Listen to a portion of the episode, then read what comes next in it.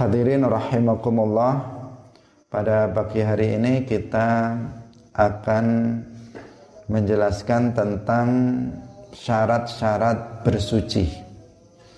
Mari kita mulai dengan mengikhlaskan niat kita Lillahi ta'ala. Faslun Syurutu toharati al-islamu. Faslun utawi iki iku fasal suici Syurutu toharati utawi piro-piro syarate sesuci. Al-islamu iku islam.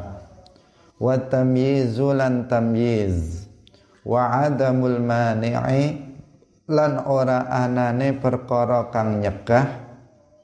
Min wusulil ma'i sangking tumibane tumekane banyu ilal maghsuli maring anggota kang wajib den basuh.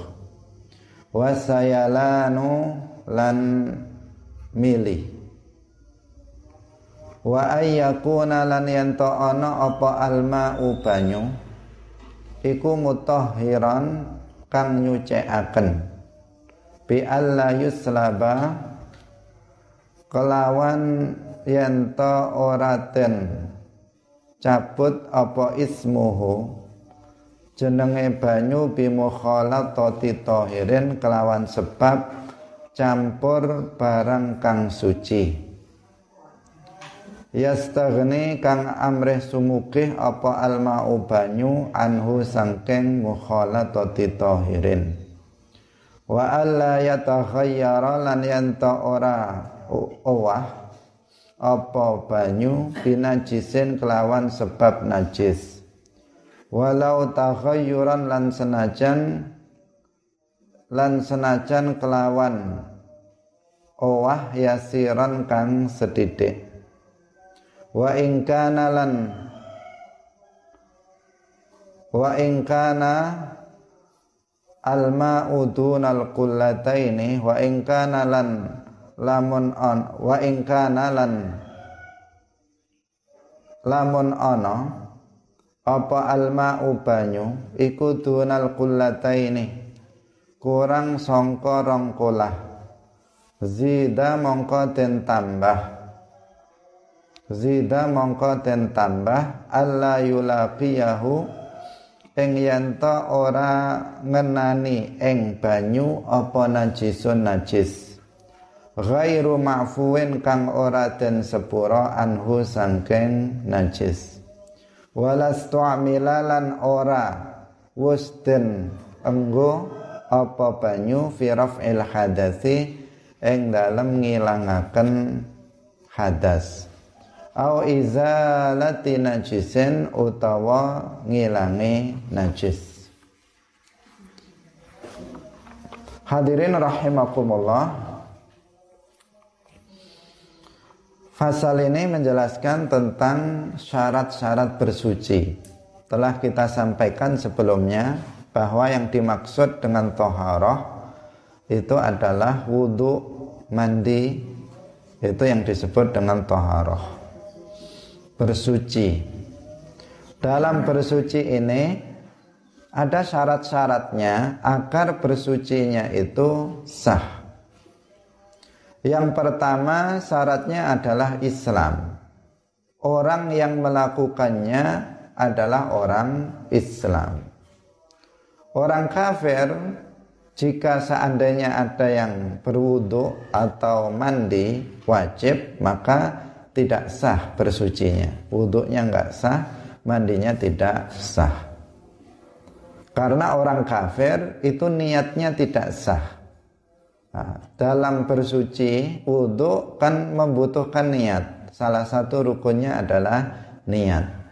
Nah, tanpa niat maka wudhu atau mandi itu tidak sah.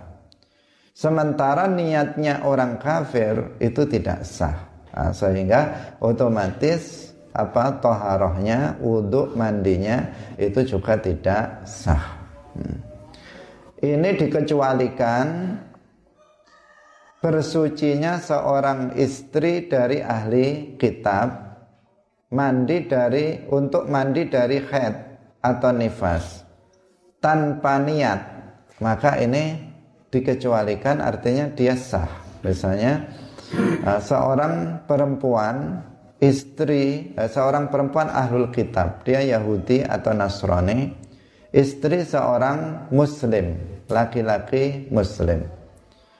Karena dalam Islam seorang laki-laki itu boleh menikah dengan perempuan muslimah dan perempuan ahlul kitab. Perempuan ahlul kitab adalah perempuan Yahudi atau Nasrani. Itu namanya perempuan ahlul kitab. Namun dalam madhab syafi'i ada ketentuan. Ahlul kitab, perempuan ahlul kitab, Yahudiyah, Nasraniyah, yang boleh untuk dinikahi adalah perempuan ahlul kitab, Yahudiyah, Nasraniyah, yang memiliki nasab Yahudi Nasrani tanpa terputus sampai pada masa Rasulullah Shallallahu Alaihi Wasallam. Jadi dia itu Yahudiyah, bapaknya Yahudi, bapaknya bapak Yahudi, bapaknya bapaknya bapak itu Yahudi, begitu seterusnya sampai pada masa bapak yang semasa dengan Rasulullah itu juga Yahudi tanpa putus. Atau Nasrani juga tanpa putus. Maka perempuan itu adalah perempuan ahlul kitab yang boleh dinikahi oleh seorang muslim bukan misalnya seorang Nasrani seorang perempuan Nasraniyah bapaknya muslim maka ini nggak boleh dinikah. Tetap haram untuk dinikah dalam madhab syafi'i. Atau dia seorang Nasrani Nasraniyah perempuan Nasraniyah bapaknya Nasrani juga. Tapi mbahnya dulu muslim kemudian uh, anaknya murtad. Atau misalnya mbahnya itu apa namanya mbahnya bapaknya mbah. Eh, mbahnya masih Yahudi eh, apa Nasrani. Kemudian bapaknya mbah itu misalnya Muslim atau Hindu atau Buddha. Maka ini berarti dia tidak bisa untuk dinikahi seorang Muslim. Nah, kita tidak membahas tentang permasalahan itu secara khusus tetapi kita katakan kalau ada dengan memenuhi syarat seorang perempuan ahlul kitab Yahudiyah Nasraniyah yang telah memenuhi syarat tadi dinikahi oleh seorang muslim. Dinikahi oleh seorang muslim. Nah, maka perempuan itu kan dia akan haid dan juga akan nifas. Seandainya dia melahirkan maka setelah itu dimungkinkan dia untuk nifas. Yang jelas dulu misalnya haid. Nah, padahal kalau dia dikatakan tadi dimasukkan Eh, bahwa niatnya orang kafir itu tidak sah, maka perempuan ini kan mandinya dari haid menjadi tidak sah. Kalau tidak sah kan berarti tidak boleh digauli oleh suaminya yang muslim. Nah, maka di sini dikecualikan dalam uh, ketentuan syarak itu dikecualikan khusus untuk perempuan kafirah perempuan ahlul kitab yang menjadi istri dari seorang muslim maka mandinya sah meskipun meskipun dia adalah bukan orang Islam. Nah, itu apa namanya? Pengecualian. Hmm. tetapi secara umum niatnya orang kafir tidak sah sehingga toharohnya baik itu wudhu ataupun mandinya itu juga tidak sah. Hadirin rahimakumullah ini syarat yang pertama. Kemudian syarat yang kedua adalah tamyiz anak kecil. Anak kecil yang belum mumayyiz maka tidak sah bersucinya. Jadi harus mumayyiz Mumayyiz itu sering kita sampaikan para ulama sebagian menjelaskan bahwa bihaitsu yafhamul khitab wa yaruddul jawab. Ketika anak itu sudah bisa memahami suatu perkataan orang lain dan dia bisa menjawab pertanyaan sederhana, maka anak ini dikatakan sudah mumayyiz. Ketika anak ini ditanya misalnya siapa namamu, dia bisa paham dan bisa menjawab. Siapa nama ibumu? Siapa nama bapakmu? Dia bisa paham dan bisa menjawab. Dan pertanyaan semacamnya yang sederhana, maka anak ini berarti sudah mumayyiz. Tetapi kalau belum, belum paham, ditanya belum paham, apalagi menjawab, paham saja enggak, apalagi menjawab, maka berarti anak ini dikatakan belum mumayyiz. Nah, kalau anak itu belum mumayyiz, maka wuduknya belum sah. Kalau dia wuduk tidak bisa sah. Kalau dia mandi tidak bisa sah mandi wajib maksudnya. Tapi kalau anak segitu jelasnya nggak mandi. Tapi kalau wudhu misalnya kan mungkin dia wudhu maka wudhunya tidak sah. Karena apa? Tidak mumayyiz. Syaratnya bersuci itu harus dilakukan oleh anak yang mumayyiz. Makanya anak itu diajari wudhu kapan? Ketika anak itu sudah berumur tujuh tahun dan mumayyiz. Jadi uh, kewajiban seorang wali, bapak, ibu, kakek, nenek salah satu di antara mereka mengajari anak untuk wudhu karena dia bagian dari sholat. Perintah dasarnya apa? Sholat. Tetapi dia juga apa namanya harus mengajarinya wudhu karena sholat tanpa wudhu tidak sah dia harus mengajarinya juga wudhu. Nah, mengajarinya wudhu, kewajiban mengajari wudhu ini ketika anak berumur tujuh tahun dan sudah mumayyiz. Karena kalau belum mumayyiz, maka tidak bisa wudhunya itu tidak sah. Wudhunya itu tidak sah. Nah, maka kalau anak sebelum umur tujuh tahun dan mumayyiz tidak diperintahkan kepadanya untuk berwudhu tidak dikatakan kamu wudhu lah. Nah, tidak dikatakan seperti itu. Kenapa? Karena dia belum mumayyiz. Kalaupun dia wudhu, wudhunya belum sah. Tetapi kalau sudah berumur tujuh tahun dan mumayyiz, maka dia diperintahkan untuk sholat dan juga berwudhu sebagai salat sebagai syarat sah daripada sholat. Nah, Sebagian ulama menjelaskan mumayyiz itu adalah ketika seorang anak sudah mandiri di dalam makan, minum, sudah bisa makan sendiri, sudah bisa minum sendiri, sudah bisa istinja sendiri, maka anak itu dikatakan telah mumayyiz menurut sebagian ulama. Hadirin rahimakumullah. Selanjutnya syarat yang ketiga Syarat yang ketiga adalah adamul mani'i min wusulil ma'i ilal maghsul yaitu tidak ada sesuatu yang menghalangi sampainya air pada anggota badan yang wajib dia basuh. Jadi tidak ada sesuatu yang menghalangi sampainya air pada anggota badan yang wajib dibasuh. Kalau wudhu Berarti tidak ada sesuatu yang menghalangi sampainya air ke wajah, kemudian ke kedua tangan, kemudian ke kepala, kemudian ke kedua kaki. Di bagian itu tidak boleh ada sesuatu yang bisa menghalangi sampainya air ke kulit.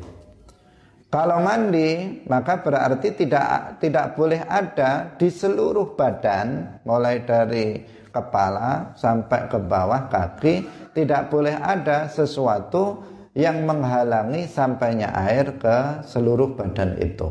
Jadi eh, kalau wudhu ya tidak meskipun misalnya wudhu eh, misalnya di dadanya ada ada tip eknya misalnya.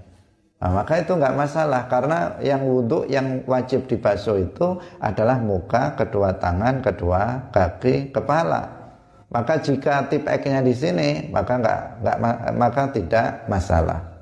Tapi kalau untuk mandi berarti seluruh badannya itu nggak boleh ada sesuatu yang bisa menghalangi sampainya air ke kulit, ke badan. Ini.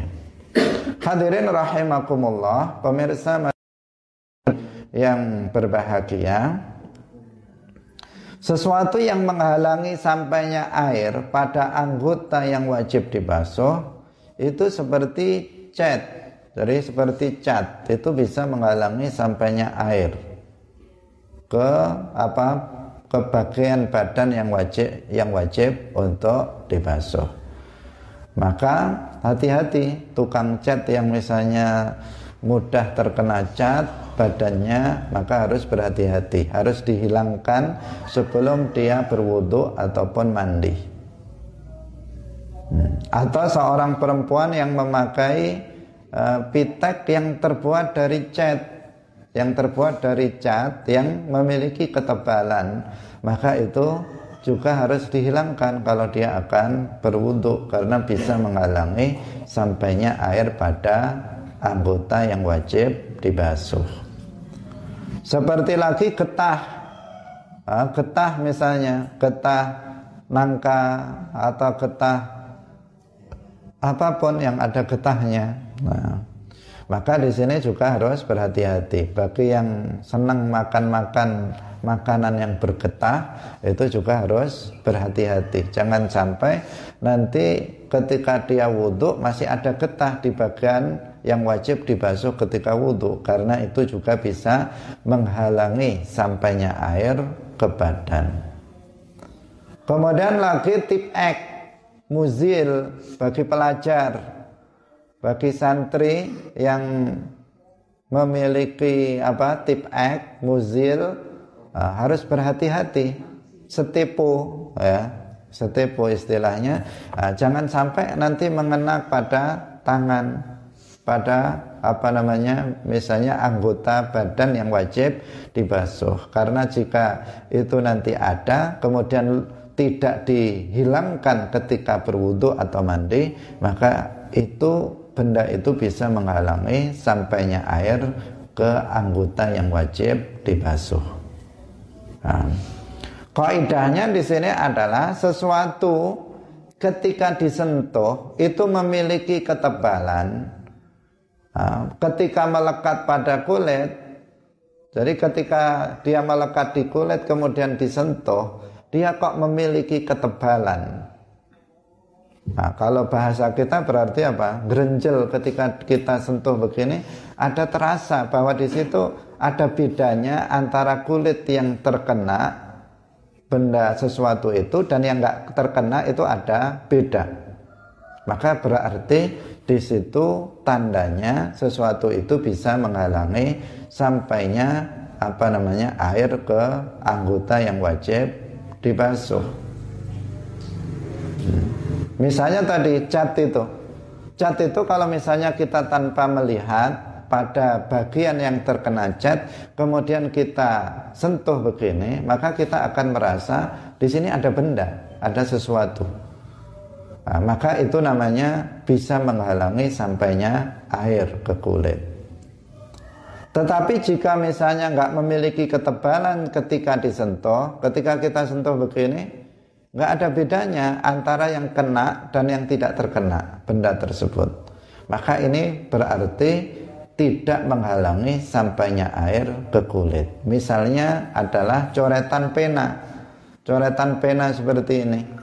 Ketika ini kita beginikan, nah, kemudian kita raba, maka di sini nggak terasa antara kita nggak bisa membedakan mana tangan saya yang kena tinta pulpen sama yang enggak itu enggak bisa dibedakan. Maka di sini berarti coretan tinta pulpen ini tidak menghalangi tidak menghalangi sampainya air ke kulit. Enggak apa-apa kalau misalnya enggak dihilangkan kemudian kita langsung berwudu, maka tidak apa-apa. Atau misalnya obat merah, obat merah yang untuk obat luka itu. Seseorang terluka kemudian diberi obat merah itu kalau kita sentuh nggak ada ketebalannya nah, maka itu tidak bisa menghalangi sampainya air ke kulit Hukumnya apa? Hukumnya tidak masalah. Itu tidak dihilangkan ketika seseorang berwudu ataupun mandi. Nah, termasuk juga pacar yang terbuat dari ah, itu daun-daunan itu. Itu juga nggak memiliki ketebalan. Maka itu enggak kalau misalnya seorang perempuan menggunakan daun pacar itu Nah, kemudian tidak dihilangkan ketika wudhu atau mandi, maka itu juga tidak masalah, tidak menghalangi sampainya air ke kulit. Jadi kaidahnya adalah seperti itu. Nah, lebih mudahnya uh, kita menandainya seperti itu. Ketika benda yang ada pada anggota badan kita itu memiliki ketebalan, maka berarti itu bisa menghalangi sampainya air ke kulit. Harus di bersihkan, dihilangkan sebelum kita melakukan wudhu ataupun mandi. Apabila benda yang menempel pada badan kita itu tidak memiliki ketebalan, maka tidak mengapa apabila kita tidak menghilangkannya ketika kita akan wudhu ataupun mandi. Hadirin yang dirahmati oleh Allah Subhanahu wa taala. Nah, Sedangkan kotoran yang ada di bawah kuku, ini sering muncul pertanyaan. Jika ada kotoran itu ada di bawah kuku, itu bagaimana? Maka dilihat di sini. Jika kotoran itu itu adalah uh, muncul dari benda di luar, dari luar, misalnya tanah dari luar, dia baru saja eh, main-main dengan tanah, baru nyetak batu bata atau apa namanya atau misalnya e, matun atau di sawah dia kan tangannya memang kena tanah. Nah kemudian tanah itu masuk ke ke bawah kuku. Nah maka ini apa? Bisa menghalangi sampainya air ke kulit. Harus dihilangkan dulu. Nah, makanya kalau misalnya pekerjaannya itu adalah dengan tanah hendaknya kukunya nggak usah di nggak usah dipelihara. Nah, dipotong yang pendek biar tidak nanti ada tanah yang berada di bawah kuku. Tetapi apabila misalnya kotoran itu adalah kotoran dari keringat jadi dia nggak pernah bermain-main dengan tanah. Tetapi ada di bawah kuku ini Eh, sesuatu yang putih uh, semacam bolot ada di bawahnya. Maka di sini ada perbedaan pendapat di antara para ulama. Sebagian mengatakan itu dimaafkan, makfu dimaafkan. Sebagian mengatakan tidak dimaafkan. Nah, makanya di sini tetap yang lebih baik adalah dibersihkan sebelum dia berwudu. Jadi sebelum berwudu itu harus yang dilakukan apa? Dikontrol. Kalau wudhu berarti yang harus dilihat adalah anggota badannya, wajahnya, apakah ada sesuatu yang bisa menghalangi sampainya air, tangannya, apakah ada sesuatu yang bisa menghalangi sampainya air, kepalanya, apakah ada sesuatu yang bisa menghalangi di kakinya apakah ada sesuatu yang bisa menghalangi sampainya air ke kulit? Ya, dipastikan itu baru kemudian berwudu. Sebagian orang kan tidak memastikan itu pokoknya wudhu wudhu itu aja. Udah ada ada catnya apa enggak wis pokoknya kalau wudhu ya wudhu menganggap kalau setiap wudhu itu adalah sah. Tidak berpikir dia ini nanti syaratnya harus harus air sampai seluruhnya. Nah, kebanyakan orang yang tidak mengerti itu sembrono. Dia pokoknya wudhu ya wudhu. Apakah di tangannya ada cat nggak peduli. Apakah di kakinya ada ada apa bulut misalnya ada getah dia tidak peduli. Yang penting wudhu dianggap kalau sudah wudhu pasti sah. Padahal tidak demikian wudhu yang tidak mengikuti ketentuan syarak maka tidak sah karena ibadah yang kita lakukan itu harus sesuai dengan ajaran dari Rasulullah Shallallahu Alaihi Wasallam harus sesuai dengan tuntunan Rasulullah. Tidak bisa kita sholat atau termasuk wudhu atau mandi itu buat aturan sendiri. Nah, tidak bisa harus berdasarkan ilmu, harus mengikuti ketentuan dari syarak. Nah, termasuk ketentuannya tidak boleh ada sesuatu yang menghalangi sampainya air ke kulit, uh, ke anggota badan yang wajib dibasuh, baik itu kulit ataupun rambut. Kalau rambut misalnya dia menyemir rambutnya dengan apa? Dengan semir yang memiliki ketebalan dengan cat misalnya. Nah, kemudian apa? Dia mau mandi junub misalnya. Kalau ini tidak dibersihkan, Artinya dia menghalangi sampainya air ke ke rambut itu. Maka mandinya nanti menjadi tidak sah. Nah, ini hal-hal yang seperti ini harus diperhatikan agar uh, toharoh yang dilakukannya itu apa namanya sah. Kemudian syarat yang keempat adalah wasayalanu yaitu mengalir Sayalan itu mengalirnya air ke anggota badan yang wajib dibasuh. Lah, mengalirnya air ke anggota badan yang wajib dibasuh itu bisa dengan mengalir sendiri atau dialirkan dengan tangan. Mengalir sendiri misalnya ya ada keran air kemudian kita ginikan airnya sudah mengalir sendiri. Atau ada keran untuk mandi misalnya seseorang udah dia duduk di bawahnya keran itu udah ngalir sendiri nggak diapa-apakan dia ngalir sendiri airnya nah, itu syaratnya harus mengalir seperti itu atau dengan dialirkan tangan tangan yang mengalirkannya tangan yang mengalirkannya misalnya di sini ada air pada telapak tangan kemudian apa? Dialirkan.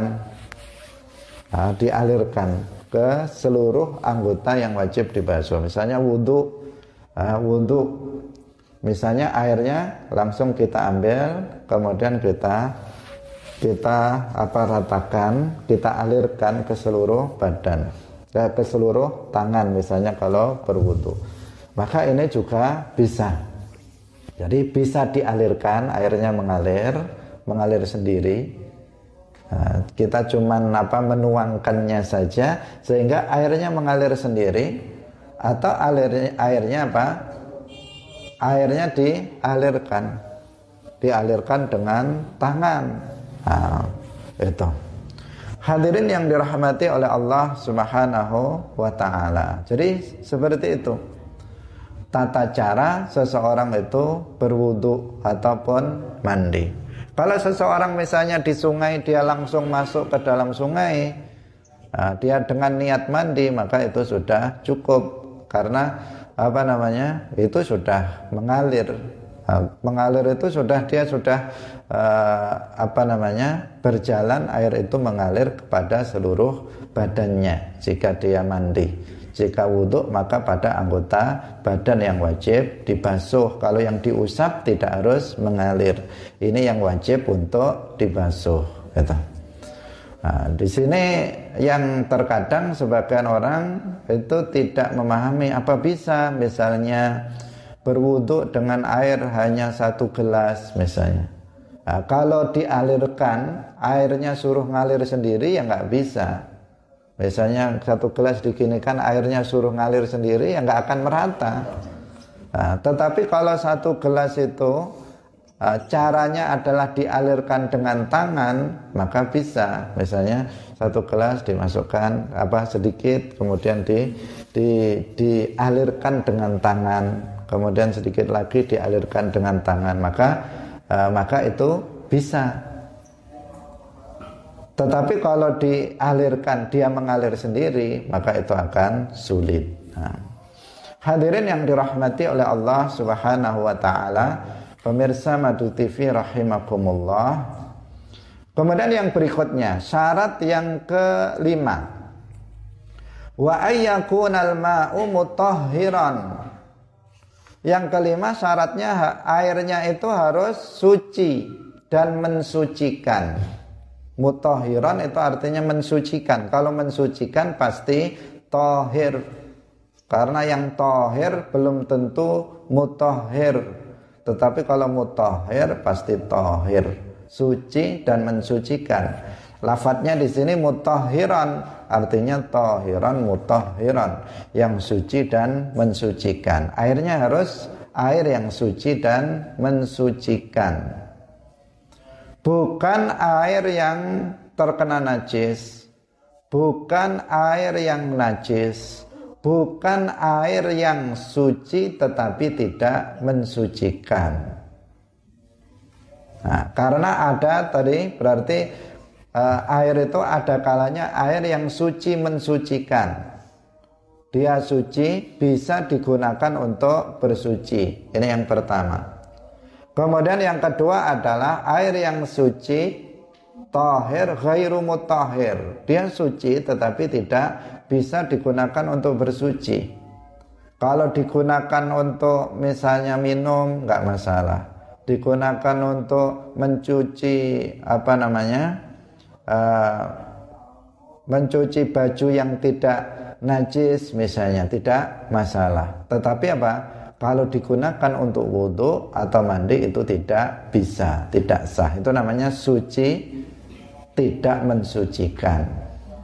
Kemudian ada air yang mutanajis, air yang terkena najis, awalnya suci.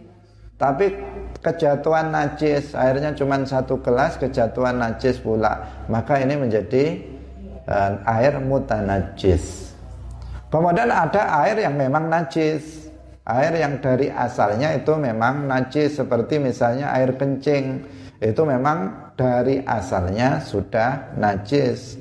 Nah, jadi itu jenis-jenis air.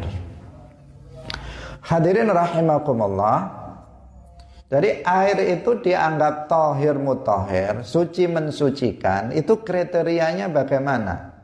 Nah, dikatakan air itu adalah air yang suci mensucikan kriterianya itu seperti apa? Yang pertama, kemutlakan nama air itu tidak hilang. Jadi kemutlakan dari nama air itu tidak hilang dengan sebab bercampur dengan benda suci yang sebenarnya itu bisa dijaga untuk tidak bercampur dengan benda suci tersebut. Jadi kemutlakan nama air ketika kita misalnya uh, saya minta air. Nah, maka air itulah yang dimaksud. Kalau misalnya saya minta air kemudian ternyata yang muncul adalah kopi maka ini kan tidak tidak apa tidak pas. Uh, tidak pas. Ketika disebut air maka seseorang akan paham. Nah, ketika disebut air kopi maka berarti itu sudah bukan uh, kemutlakan airnya sudah hilang. Nah, karena sudah uh, apa namanya uh, sudah tidak disebut air begitu saja. Nah, jadi yang pertama kemutlakan air itu tidak hilang dengan sebab bercampur dengan benda suci yang sebenarnya itu bisa dijaga untuk tidak campur. Nah, ini ini yang pertama. Misalnya uh, air air ini ada air kemudian sengaja dimasukkan ke, ke dalamnya sabun. Sehingga kemudian menjadi air sabun. Warnanya menjadi putih. Nah, maka ini namanya air sabun. Sabun ini sebenarnya bisa nggak dimasukkan tapi dia sengaja memasukkannya ke dalam air itu sehingga airnya kemudian berubah. Berubah menjadi air sabun maka ini berarti nama kemutlakan airnya itu hilang dengan sebab bercampur dengan benda yang suci yang sebenarnya bisa dijaga air itu dari tidak bercampur dengan benda tersebut. Maka kalau sudah kemutlakan airnya itu hilang, maka air tersebut tidak lagi mensucikan tetapi tetap suci. Tetap suci tetapi tidak lagi mensucikan. Nggak bisa lagi untuk wudhu ataupun sholat. Nah, misalnya lagi ada air satu gelas. Kemudian dimasuki gula sama teh dimasukkan ke situ. Nah, sehingga menjadi air teh. Nah, menjadi air teh nah di sini berarti apa sebenarnya teh itu nggak dimasukkan ya bisa tetapi dia sengaja memasukkannya sehingga berubah menjadi kemutlakan nama air itu hilang menjadi air teh maka ini suci boleh diminum tetapi tidak bisa digunakan untuk berwudhu ataupun mandi. Nah, ini ini namanya apa? Tohir ghairu mutahhir. Kalau air itu kondisinya tidak seperti itu, artinya tidak bercampur dengan benda apa namanya? benda suci sehingga kemutlakan airnya itu hilang, maka dia suci mensucikan. Misalnya air sungai air sungai air sungai kemasukan sabun berubah nggak kemutlakan airnya tidak karena airnya sangat banyak sehingga dia meskipun kalau cuma sabun satu masuk ke dalamnya tidak menjadi air sabun. Maka di sini apa? Dia dia tidak hilang. Kemutlakan nama airnya tidak hilang sehingga dia masih air yang suci mensucikan. Nah, air laut misalnya, itu juga demikian. Dia tetap suci mensucikan. Meskipun air laut itu asin misalnya, itu tetap suci mensucikan. Karena apa? Asinnya itu bukan karena dimasuki garam satu truk misalnya, enggak. Karena memang apa? Dia memang seperti itu sudah aslinya, sudah aslinya seperti itu, bukan karena dicampuri dengan benda suci. Nah, secara sengaja tidak, tetapi memang tempatnya memang uh, semacam itu menjadikan air itu adalah uh, apa namanya asin misalnya. Jadi kalau air itu berubahnya bukan karena bercampur benda yang suci yang dimasuk ke dalamnya, Nah, tetapi misalnya karena tempatnya maka tidak menjadikan air itu uh, tidak mensucikan, tetap mensucikan. Misalnya air uh, yang muncul dari apa namanya air belerang misalnya, air belerang, dia disebut air belerang, tetapi dia berubahnya itu bukan karena dimasuki benda yang suci tetapi karena apa? Tempatnya, sumbernya itu memang menjadikan itu belerang. Atau misalnya air di sebagian daerah, misalnya di Sumatera, di Riau misalnya, airnya kok seperti teh, airnya hitam misalnya.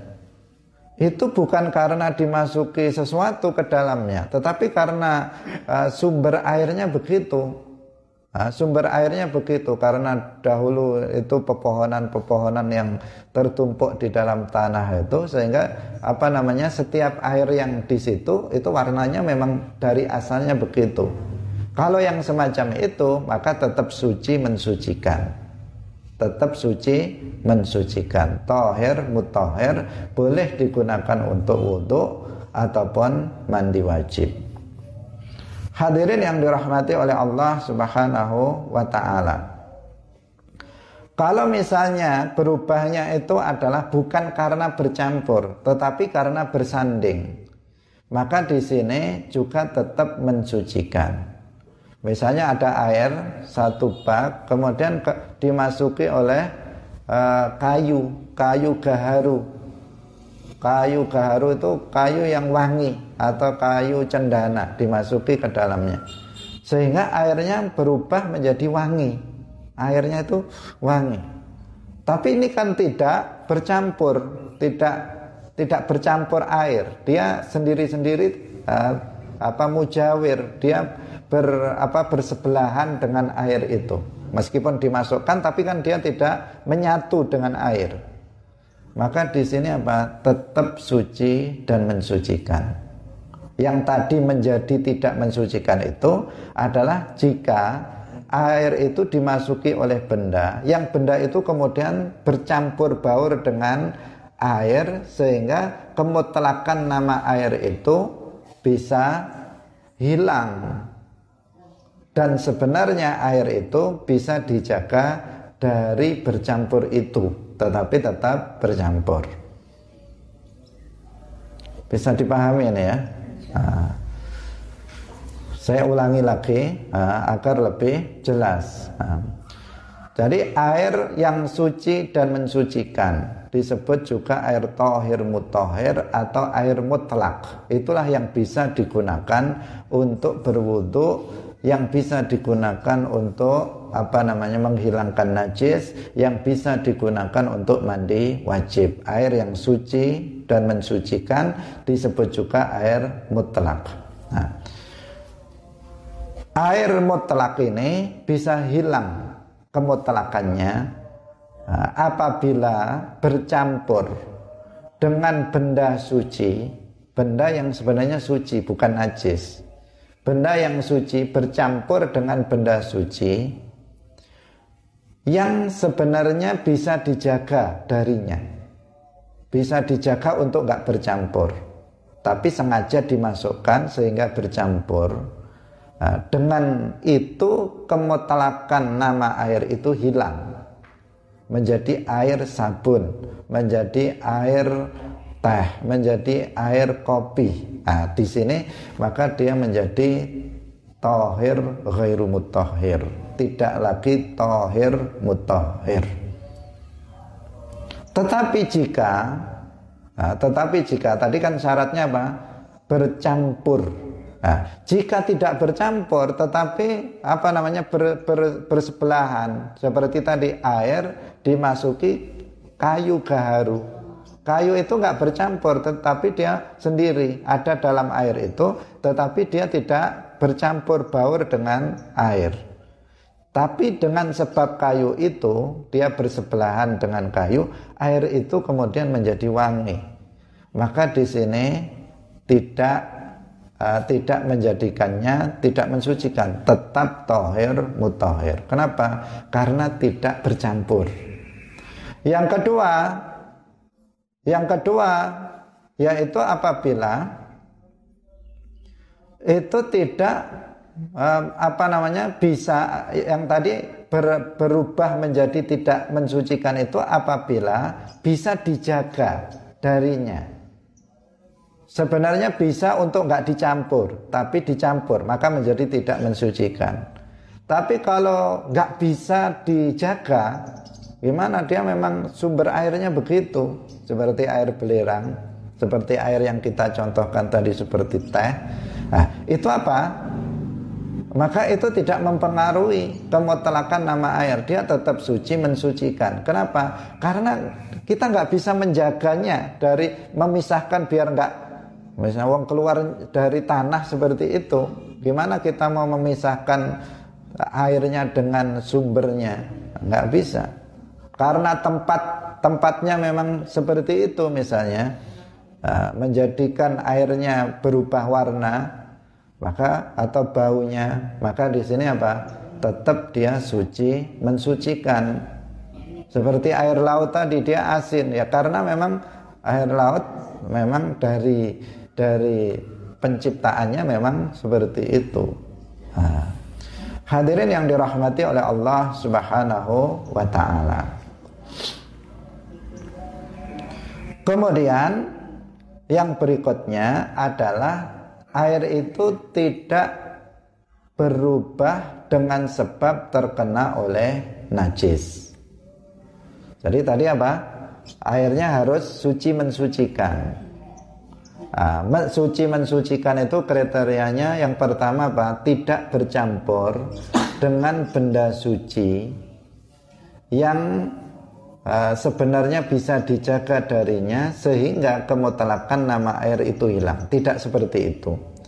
Yang kedua, yang tohir mutohir itu tidak terkena oleh najis, oleh apa namanya, uh, tidak terkena oleh najis sehingga berubah uh, atau air itu berubah dengan sebab terkena najis.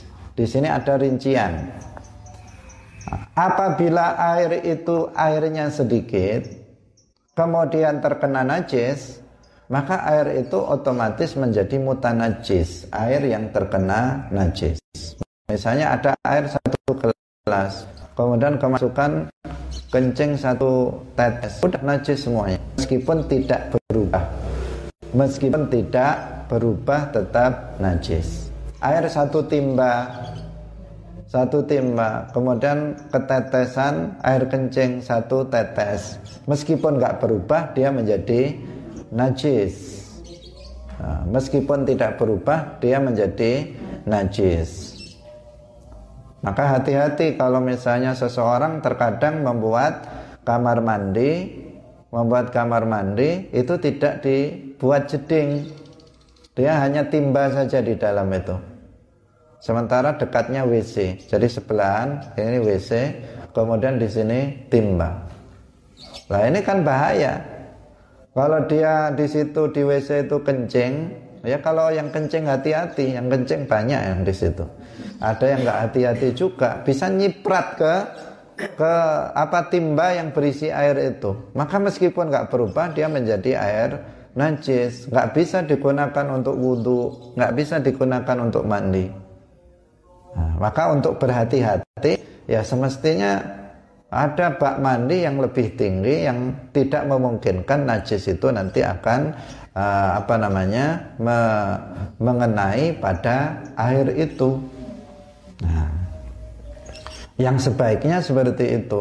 Atau kalau misalnya nggak punya bak ya seka, atau namanya nggak nggak membuat bak mandi yang besar ya sekalian keran saja kalau mandi di bawah keran, kalau wudhu di bawah keran dan seterusnya, maka itu lebih aman. Hadirin yang dirahmati oleh Allah, jadi jika ada air sedikit kurang dua kulah, dua kulah itu adalah sekitar 200 liter, sekitar nah, sekitar 200 liter bisa lebih atau bisa kurang itu kan uh, ukurannya nanti bisa berbeda-beda. Yang jelas uh, ukurannya itu kalau misalnya wadahnya itu berbentuk kubus, berbentuk kubus, kotak misalnya, maka panjang, lebar, dan kedalamannya itu satu seperempat zirok. Satu zirok seperempat.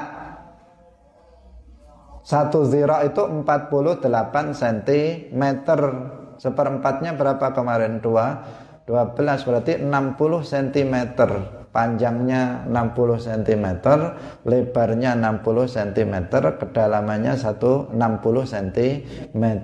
Itu kalau jedingnya itu kotak. Nah, jadi itu ukuran minimalnya.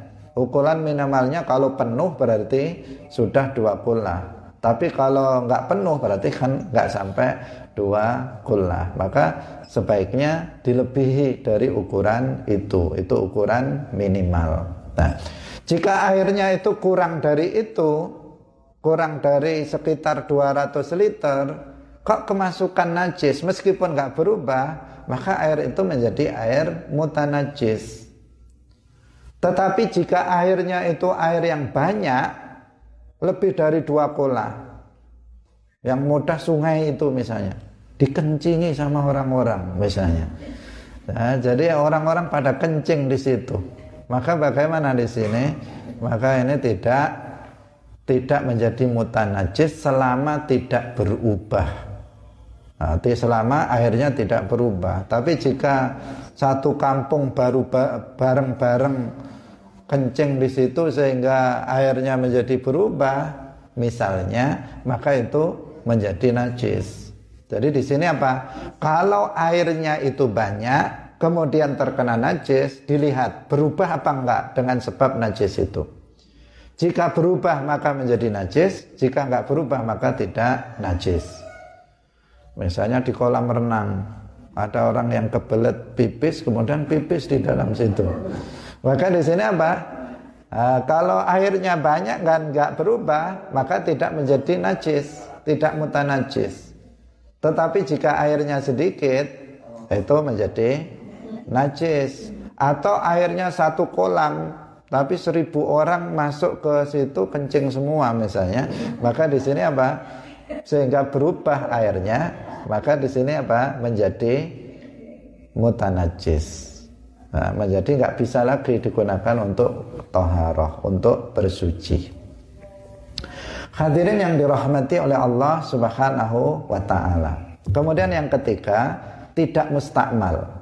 Tidak mustakmal. Air itu tidak mustakmal. Dikatakan tohir, mutohir itu jika tidak mustakmal. Karena kalau mustakmal berarti dia tohir tetapi ghairu mutahhir, tidak mensucikan. Nah, air mustakmal itu adalah air uh, air mustakmal itu adalah air yang telah digunakan untuk membasuh uh, bagian yang wajib dibasuh atau air yang telah digunakan untuk menghilangkan hadas atau najis itu lebih mudahnya jadi air yang sudah digunakan untuk atau telah digunakan untuk menghilangkan hadas atau najis itu namanya air mustakmal. Nah, ini adalah basuhan yang digunakan untuk menghilangkan hadas. Misalnya menghilangkan hadas muka ketika wudhu. Berarti yang menghilangkan hadas itu adalah basuhan yang pertama. Yang menetes ini, ini namanya mustakmal. Yang menetes, kalau yang masih di sini bukan mustakmal. Misalnya yang di sini kemudian kita ratakan ke bawah, nggak masalah. Karena bukan mustak, yang mustakmal apa? Yang sudah dipakai yang menetes dari muka ini adalah mustakmal dari basuhan yang pertama. Jika basuhan yang pertama sudah lengkap, kemudian dia membasuh untuk bagian yang kedua, yang menetes ini tidak mustakmal. Yang menetes tidak mustakmal. Kenapa? Karena air yang kedua bukan untuk menghilangkan hadas, tetapi untuk amalan sunnah. Sehingga kalau misalnya basuhan yang kedua kemudian ditampung lagi untuk apa namanya membasuh tangan, maka tidak masalah. Karena tidak disebut mustakmal. Jadi mustakmal ini adalah air yang telah digunakan untuk menghilangkan hadas atau najis. Kalau mandi juga begitu. Kalau mandi berarti basuhan yang pertama. Basuhan yang pertama ini jangan sampai kemudian menetes pada air yang ada di bak yang kecil. Kalau misalnya memang baknya besar, nggak masalah kita begitu setat awal langsung jebar-jebur misalnya itu tidak. Kalau misalnya airnya balik lagi yang yang sudah kita gunakan untuk mandi kemudian menetes lagi tidak masalah kalau airnya itu banyak. Tetapi kalau misalnya airnya itu dia sudah mandi cuma pakai satu timba saja. Ini kalau dia begini nanti terus apa akan memuncrat yang apa namanya bekas apalagi nggak hati-hati maka air bekas mandi itu akan masuk lagi ke situ menjadi airnya nanti mustakmal seluruhnya. Maka yang hati-hati pertama ya basuhan yang pertama. Setelah mandi sudah basah seluruh badannya baru yang kedua mau mau apa namanya jebar-jebur bolak-balik airnya tidak masalah karena yang menjadi mustakmal adalah yang digunakan untuk menghilangkan hadas. Berarti pada basuhan yang pertama. Hadirin rahimakumullah, dengan demikian berarti air itu ada kalanya tohir mutohir, air yang suci dan mensucikan. Ada kalanya tohir ghairu mutohir, air yang suci tidak mensucikan. Seperti air yang bercampur dengan benda yang bisa dijaga darinya sehingga kemutlakan nama air itu hilang dan air mustakmal. Kemudian yang ketiga adalah air yang mutanajis, air yang terkena najis dan yang keempat adalah air najis. Air najis memang asalnya sudah najis seperti air kencing, darah dan sebagainya. Itu air juga tetapi memang sudah dari bendanya itu sudah najis. Hadirin rahimakumullah, demikian pengajian kita pada pagi hari ini. Semoga bermanfaat dan menjadi ilmu yang barokah bagi kita fid dunia wal akhirah. Barakallahu fikum wallahul muwaffiq ila aqwamit thariq. Wassalamualaikum warahmatullahi wabarakatuh.